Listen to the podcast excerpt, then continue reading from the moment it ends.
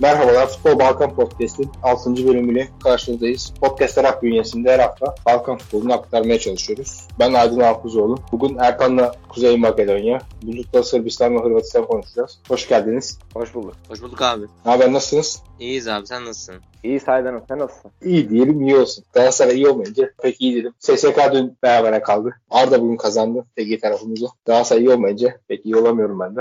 Galatasaray kötü ama Şkupi iyi bizim. Senin SSK da kötü. SSK son dakikada gol yedi. 90 artı 1'de gol yedi. Ama önce Kuzey Makedonya, sonra Bulut'la Sırbistan, Hırvatistan. Dinamo Zagreb Hayduk maçını izledim ben daha diye. Bulut'un notları var. Onu konuşuruz. Sonra ben bir genel tekrar yaparım tüm Balkan Lig puan durumlarını. Ve son olarak da senin İstanbul maceraların Fenerbahçe ve Marsilya maçını konuşuruz. Kuzey Makedonya şu kupi lider Ertan. Düz mü sence bu? Abi çok sürpriz yani ben ilk defa görüyorum Şkupi. 2010'dan beri takip ediyorum. Daha eskileri de var. Sloga Yugo Magnat. O dönemler iyi olmuşlardı yani 90'lar 80'ler Yugoslavya döneminde. Ama bu son 20 senelik tabloda Şkupi'yi ilk defa tabelada önde görüyorum ve 39 gol atıp 10 gol yemişler. Yani 38 puanla ikincinin 6 puan fark var aralarında. Üçüncü Şkendiyer'la 8 puan. Yani iyi durumdalar bu sene. Şampiyonluğa koşuyorlar. Çarşamba günü de Şkendiyer'de içeride bir maçları var. Ardından Borez deplasmanına gidecekler ve ilk yarını lider kapatma durumunda. Zaten kapatmışlar ilk yarı lider. Puan farkını açıp şampiyonluğa gidiyorlar. Hafta içi derbi maçı değil mi? İşkendiye ile şu kupi maçı. Bu hafta full olur stat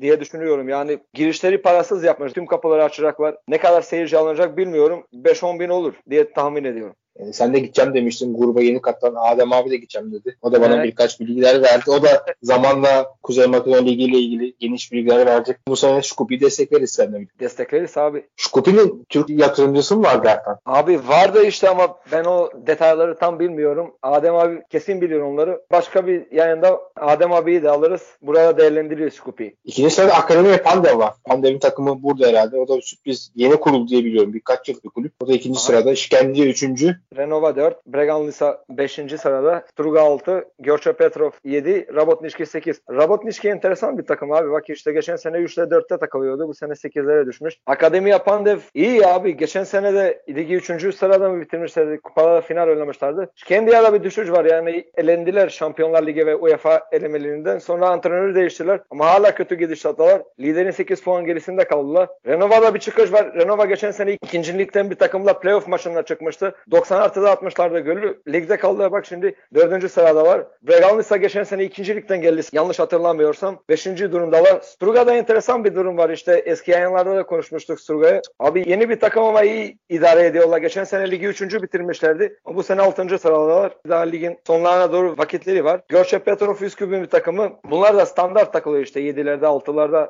Rabotnişki de bu sene biraz kötü. Geçen sene daha iyi yerlerdeydi. 4-5. sıralardaydı. Kopya'da Üsküp'ün bir takımı. Bunlar da ikinci ligden geldiler sanırsam geçen sene. 17 puan düşme potasının altındalar. Tigveş 14 puan. Bunlar zor bu sene. Abi playoff oynarlar yani Rabotnişki'nin üzerine çıkaracaklarını hiç düşünmüyorum. En çok Skopje'yi geçebilirler. Bores'te bir terslik var abi. Geçen sene iyi durumdalardı bunlar. Ev sahibi oldukları maçta ya beraberlik ya kazanıyorlardı. Yani rakiplere 3 puan vermiyorlardı. Belis'te bu sene kötü bir durumda. Bakarız ikinci yarıda ne olur ne biter. Takviyeler olur mu olmaz mı? Bu hafta ile ilgili hatta Twitter'da da paylaştım. Çok fazla kırmızı kart var tüm maçlarda. Hafta ile ilgili bir şeyler söylemek ister misin? Ekleyeceğim bir şeyler var mı? Abi haftayla ilgili ben çok izlemedim yani ama şöyle sonuçlara baktığımda işte Kopya Şkupi maçında iki kırmızı kart görmüştüm. Başka nerede vardı? Akademiya Bregalnisa maçında da hem rakip takım hem Akademiya kırmızı kartlardı. Deplasmanda Göçe Petrov'da bir kırmızı kart. İşte Pelisler İşkendiya deplasmanında da onlar da bir kırmızı kart yemiş. Ne bileyim maçta ne oluyor ne bitiyor? Cinayet mi işliyorlar? Havalar Abi- soğudu. Gerginlik herhalde.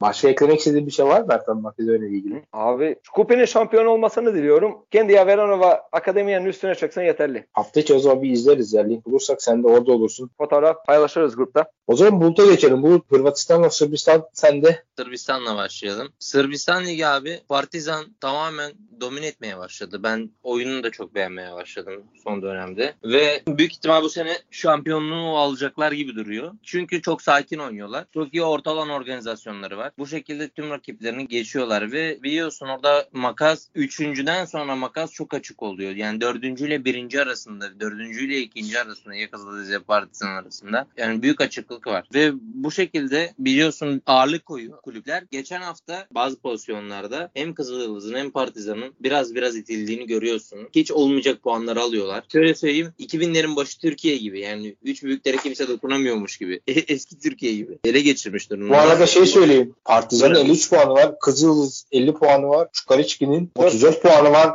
Aralarında 16 puan fark var şimdiden. Üçüncüyle. Gerçekten şöyle söyleyeyim bizim ligimizde olsa en azından 6-7 ya 10 ve üstü sıraya oynayacak bir takım. Ona rağmen çok büyük bir açık var. Sırp Ligi artık bu sene iyice kafayı yemiş durumda. Yani hakemler gerçekten çok büyük destek sağlıyorlar. Garip bir durum var Sırp Ligi'nde. Ama onun dışında şöyle bahsedeyim. Stankovic'den bahsetmek istiyorum yine. Çünkü Kızıl Yıldız 10 puanla Avrupa Ligi'nde liderler. Bu onları bence Sırp Ligi'nden ayıran ve üstün kılan durumlardan biri. Midland, Braga ve Ludogorets'in olduğu gruptalar. Ludogorets çok büyük bir hayal kırıklığı yarattı bana Avrupa Ligi'nde. Bilmiyorum sence nasıl abi? Fazlasıyla zaten o yüzden Dambras'ı gönderdiler. Şampiyonluk evet. elemelerinde iyilerdi. Olympiakos maçlarını evet. izlemiştim. Onların elemeler kısmında çok iyilerdi. Sezon başı iyilerdi ama 5-6 maç çok iyiydi Ludogorets. Evet, Şampiyonluk elemeleri dahil. Sonrası felaket zaten. Ligde de oynamadan kazanıyorlar. Çünkü rakip de olmayınca yani ligde oynamadan kazanmalarının sebeplerini de biliyorsun. Ama Avrupa Ligi'nde durum böyle olmuyor. Kızıldızlar en azından Avrupa'da ve geçen sezon da iyilerdi herhalde bazı takımlar. Onlar iyi gidiyorlar. Ama bu doğru ise 200 senedir Avrupa'da başarılı da gelmiyor. Kızıl Yıldız şimdi Braga deplasmanına liderlik için gidiyor. Lazio, Galatasaray ve Braga Kızıl Yıldız maçı UEFA Avrupa Ligi'nin izlenmesi gereken son hafta iki maçı olarak görüyorum. Kızıl Yıldız ve Galatasaray gruplarında gerçekten bence en büyük sürpriz yapan takımlar. Bu oyunu sabrederek oynuyor takımlar Avrupa Ligi'nde. Tek farkları Kızıl Yıldız liderlik yarışına tutulmuş durumda, şampiyonluk yarışına tutulmuş durumda. 5'te 5 yaptılar. İyi gidiyor. Stankovic çok beğeniyorum. Hala daha imza atıyorum. Fenerbahçe Stankovic'e gitsin. Tam bence uyuyor. Karakter olarak ve kulüp olarak birbirine uyan iki teknik adam ve hoca buluşması olacak. Çok başarılı olabileceğini düşünüyorum ben. Ve basamak olarak kullanacaktır Stankovic burayı. Çünkü top 5 lige yakışan bir oyun oynatıyor. Bekleyerek, görerek, sabrederek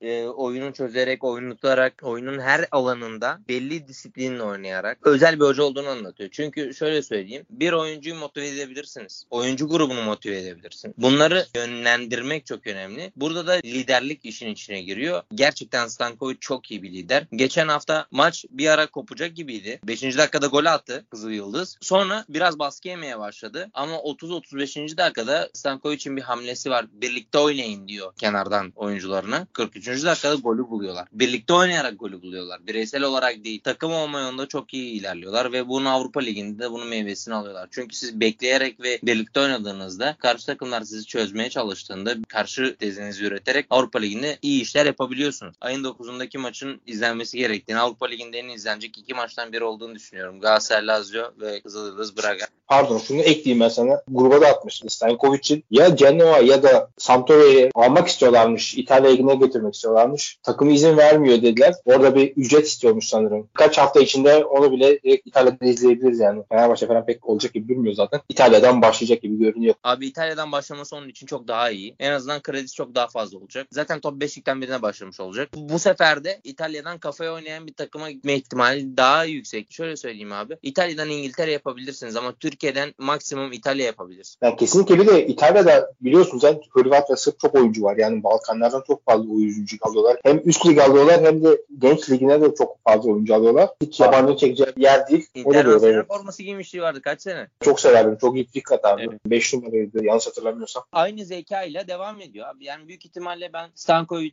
önümüzdeki 5-6 yılda Mourinho gibi ikon olabilir. İddia ediyorum çünkü çok beğenerek izliyorum. Ertan senin Sırbistan'la ilgili söylemek istediğin bir şey var mı? Abi Sırbistan'la ilgili ne söyleyelim? Kızıldız ve Partizan götürüyor. Playoff'larda ne olur? Bakarız. Makas falan diyorlar ya. Makas falan kalmamış. Makasın bir 3-5 kat üstü yani bu. Daha fazlası bu. Abi ama her sene böyle oluyor. Bak Balkanlarda genelde böyle oluyor işte. İlk ve üçüncü her zaman 10-15-20 puan fark atıyor. Evet. Bence Stankovic Zvezda'da bir iki sene daha kalsa daha iyi bir yerlere gidebilir ama Genoa Sampdoria işine olumlu bakıyorum yani. Oraya da gitse belki bir çıkış yakalayabilir en azından. Sampdoria'ya giderse bir Avrupa Ligi yapabilir. Yani 6.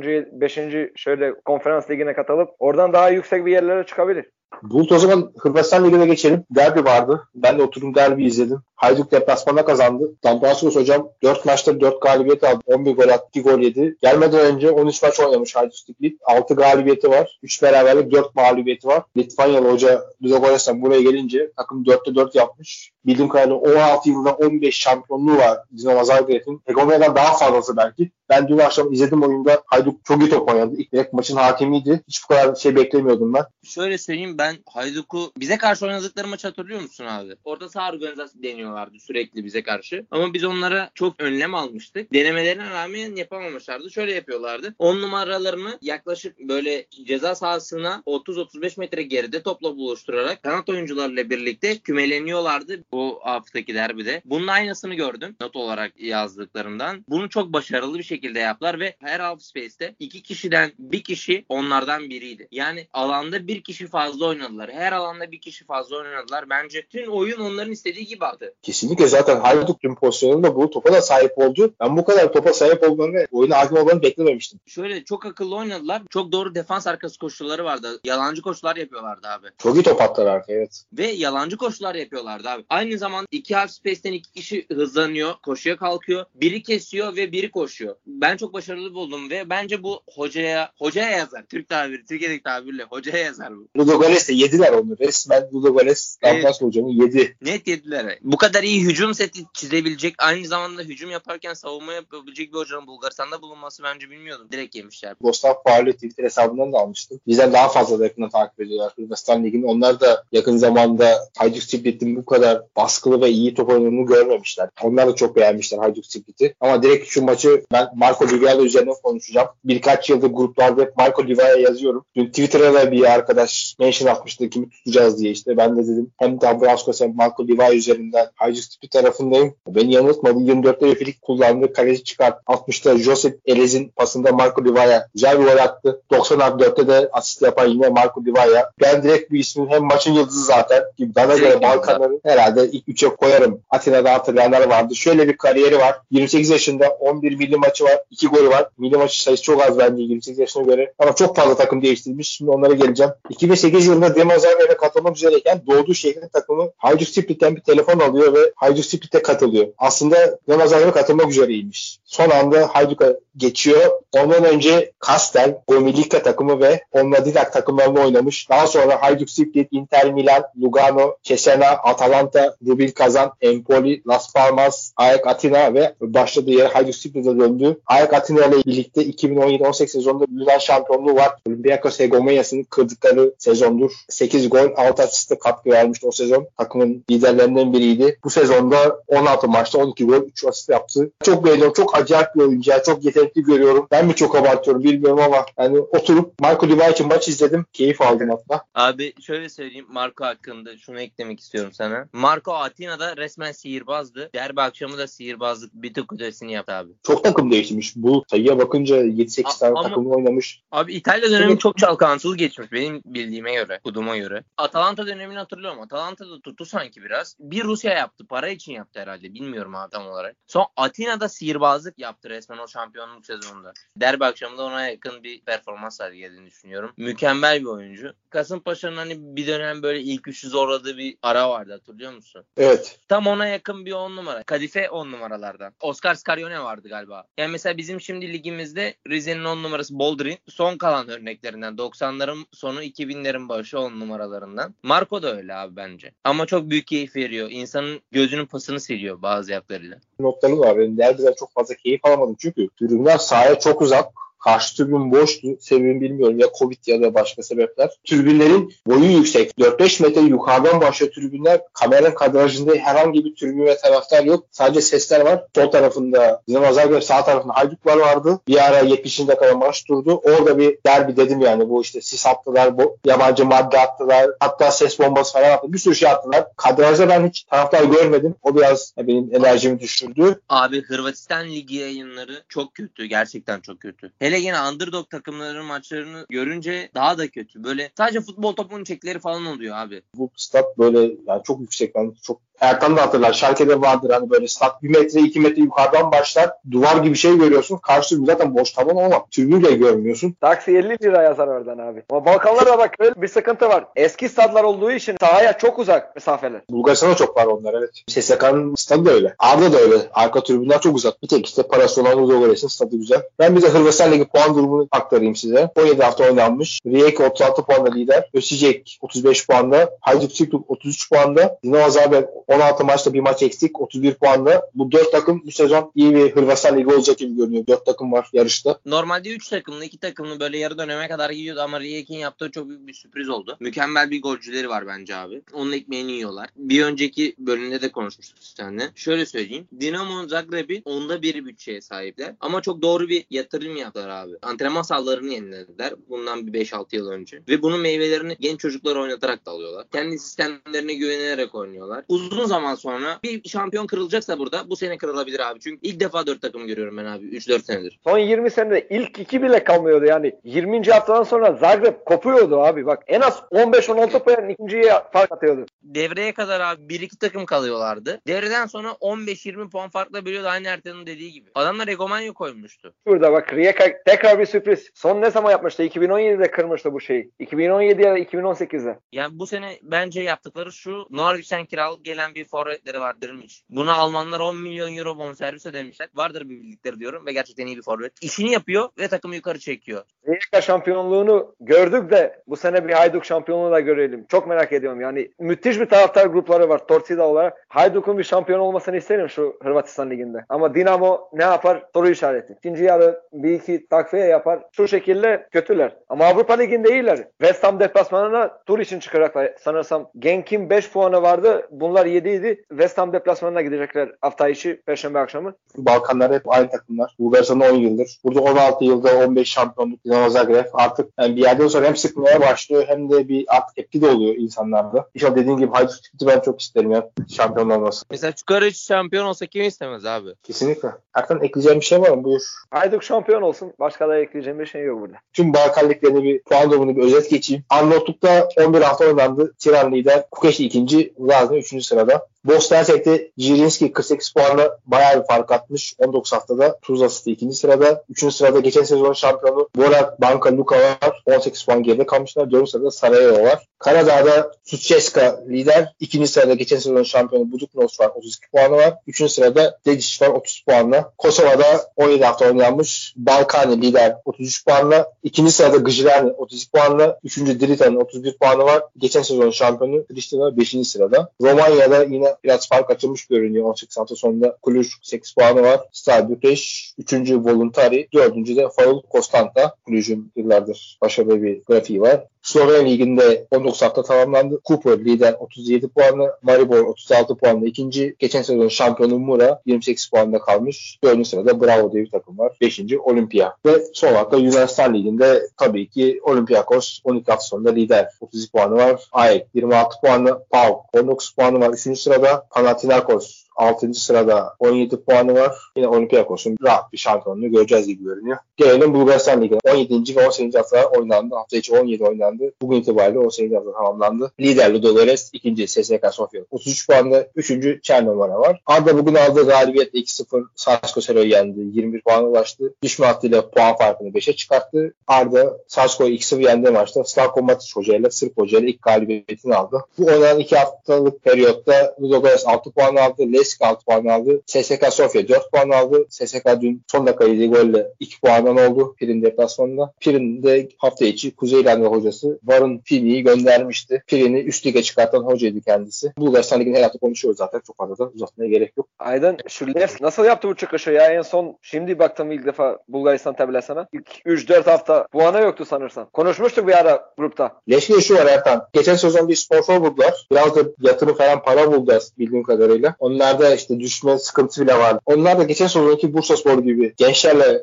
geçen sezon oynamışlardı. Bu sezonda onlara oyuncu takviyesiyle birlikte iyi bir kadro kurdular. Tek sıkıntıları hem forvetleri yok. Net bir forvetleri yok. Bir de kalede Mihailo var. Hem yaşlı hem de fit olmayan bir kaleci. Bulut bilir. Ertan Galatasaray serüvenini paylaşalım istersen. Hem o kadar yolu geldin. Fener maçına gittin. Marsilya maçına gittin. İki güzel maça denk geldin ki ilkinin sonucu iyi değildi ama atmosfer olarak mükemmel iki maça denk geldin. Abi maç günleri Galatasaray maç günleri İstanbul'da yaşamak farklı bir duygu. Yani nasıl anlatayım sana? İki çılgın maçta hem Fener hem Marsilya maçı. Yani Fener maçı zaten heyecandan nefes alamıyorsun işte. Ben mesela çalışmadığım günlerde 12 birden evvel kalkmam. O gün 8.30'da uykum çıktı yani. Direkt atladım işte. Seninle buluştuk saat 12'de 1'de. Ne Nevizade zaten cennet gibi bir yer maç günleri. Hele derbi günleri. Nevizade'ye gitmek farklı bir duygu abi. İşte orada biraz takıldık. Ama benim anlatmak istediğim başka bir sorun var. Fenerbahçe maçı atmosferine değinmek istiyorum. Abi içip içip akşam maça gitmek. Mesela Fener maçında 52 bin kişi vardı. Marsilya maçında 42 bin. İki maçında şöyle özetini bir taraftar şeyle dinledim. Arada çok fark var. Marsilya maçında farklı bir tribün vardı. Fenerbahçe maçında farklı bir tribün. Çok düşük bir atmosferde oynandı Fenerbahçe maçı. Tepkiyi veremedik tribünden.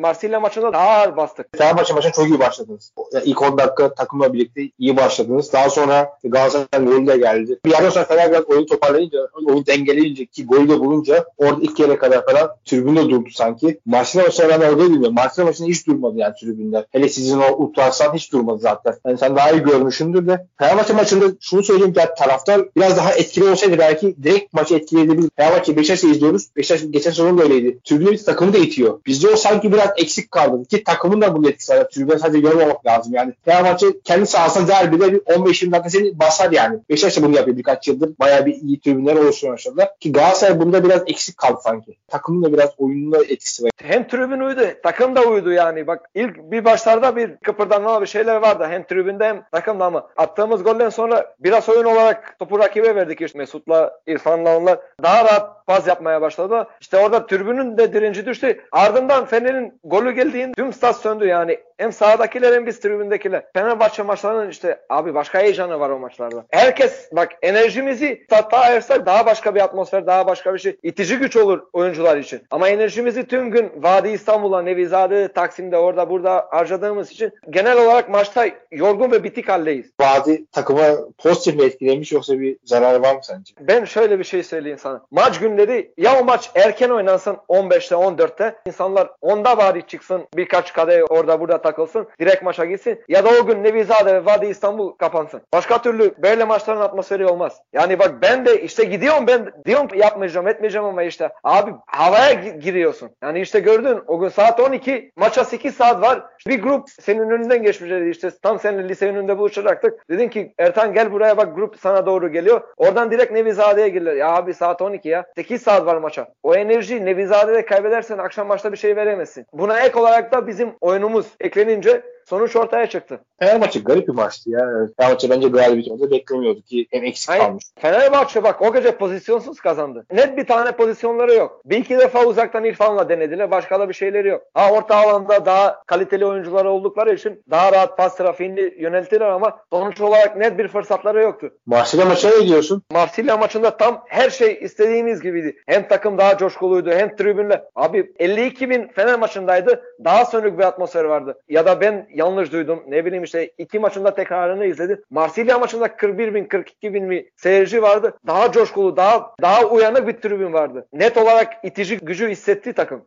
Fenerbahçe maçı hafta sonu oynandı. Dediğin gibi millet gündüzden yedi içti veya gezdi. Enerjisini harcadı birlikte. Marsilya maçı hafta içi oynandı ve direkt herkes iş Aynen. dışı. Herkes iş yorgunu veya çok fazla bağırmadan direkt maça gittiler. Yani aslında mantıklı dedi. Uyuyor birbirine. İşin stresini sahaya yansıttılar. Fener maçı daha düşük, daha kalitesiz bir atmosferimiz vardı. Ama Marsilya maçı işte Nevizade'ye de gittim, Vadi'ye de gittim. Hem iki maçta da Marsilya maçında arkadaşlar Nevizade'ye girdiğimizde 100-150 kişi vardı. Oysa ki Fener maçı pazar günkü maçta Nevizade'ye gittiğimizde havadan iğne atsa yere düşmezdi. Senin yol ne kadar sürüyor Makedonya, Türkiye? Makedonya, Türkiye sınırlarla beraber abi 11-12 saat. Akşam 6'da çıkıyor. Sabah 7 en geç 8 İstanbul'dasın. Ertesi İstanbul'dan 7'den kalkış sabah 6.30-7'de de buradasın. 12-13 saat sürüyor. Sınırda pek çok kalabalık olmayınca hızlı geliyorsun. 12-13 saat maksimum. Sana da helal olsun vallahi. Hem o kadar sevgin var hem o kadar emek veriyorsun. Sana çok büyük saygı duyuyorum bu konuda. Abi ne yapalım işte. Başka eklemek istediğin bir şey var mı Ertan? Yok abi bu yayın için çok teşekkür ederim. Ne demek ben teşekkür ederim. Hem katıldın sen zaman harcadın sen emek verdiniz. Yine ileride bir toplanırız. Adem abiyle senle birlikte yine bir geniş Makedonya yine Balkanlar yapmaya çalışırız. Hadi görüşmek üzere abi. Bir dahaki podcast'te tekrar görüşmek üzere. Hoşçakalın.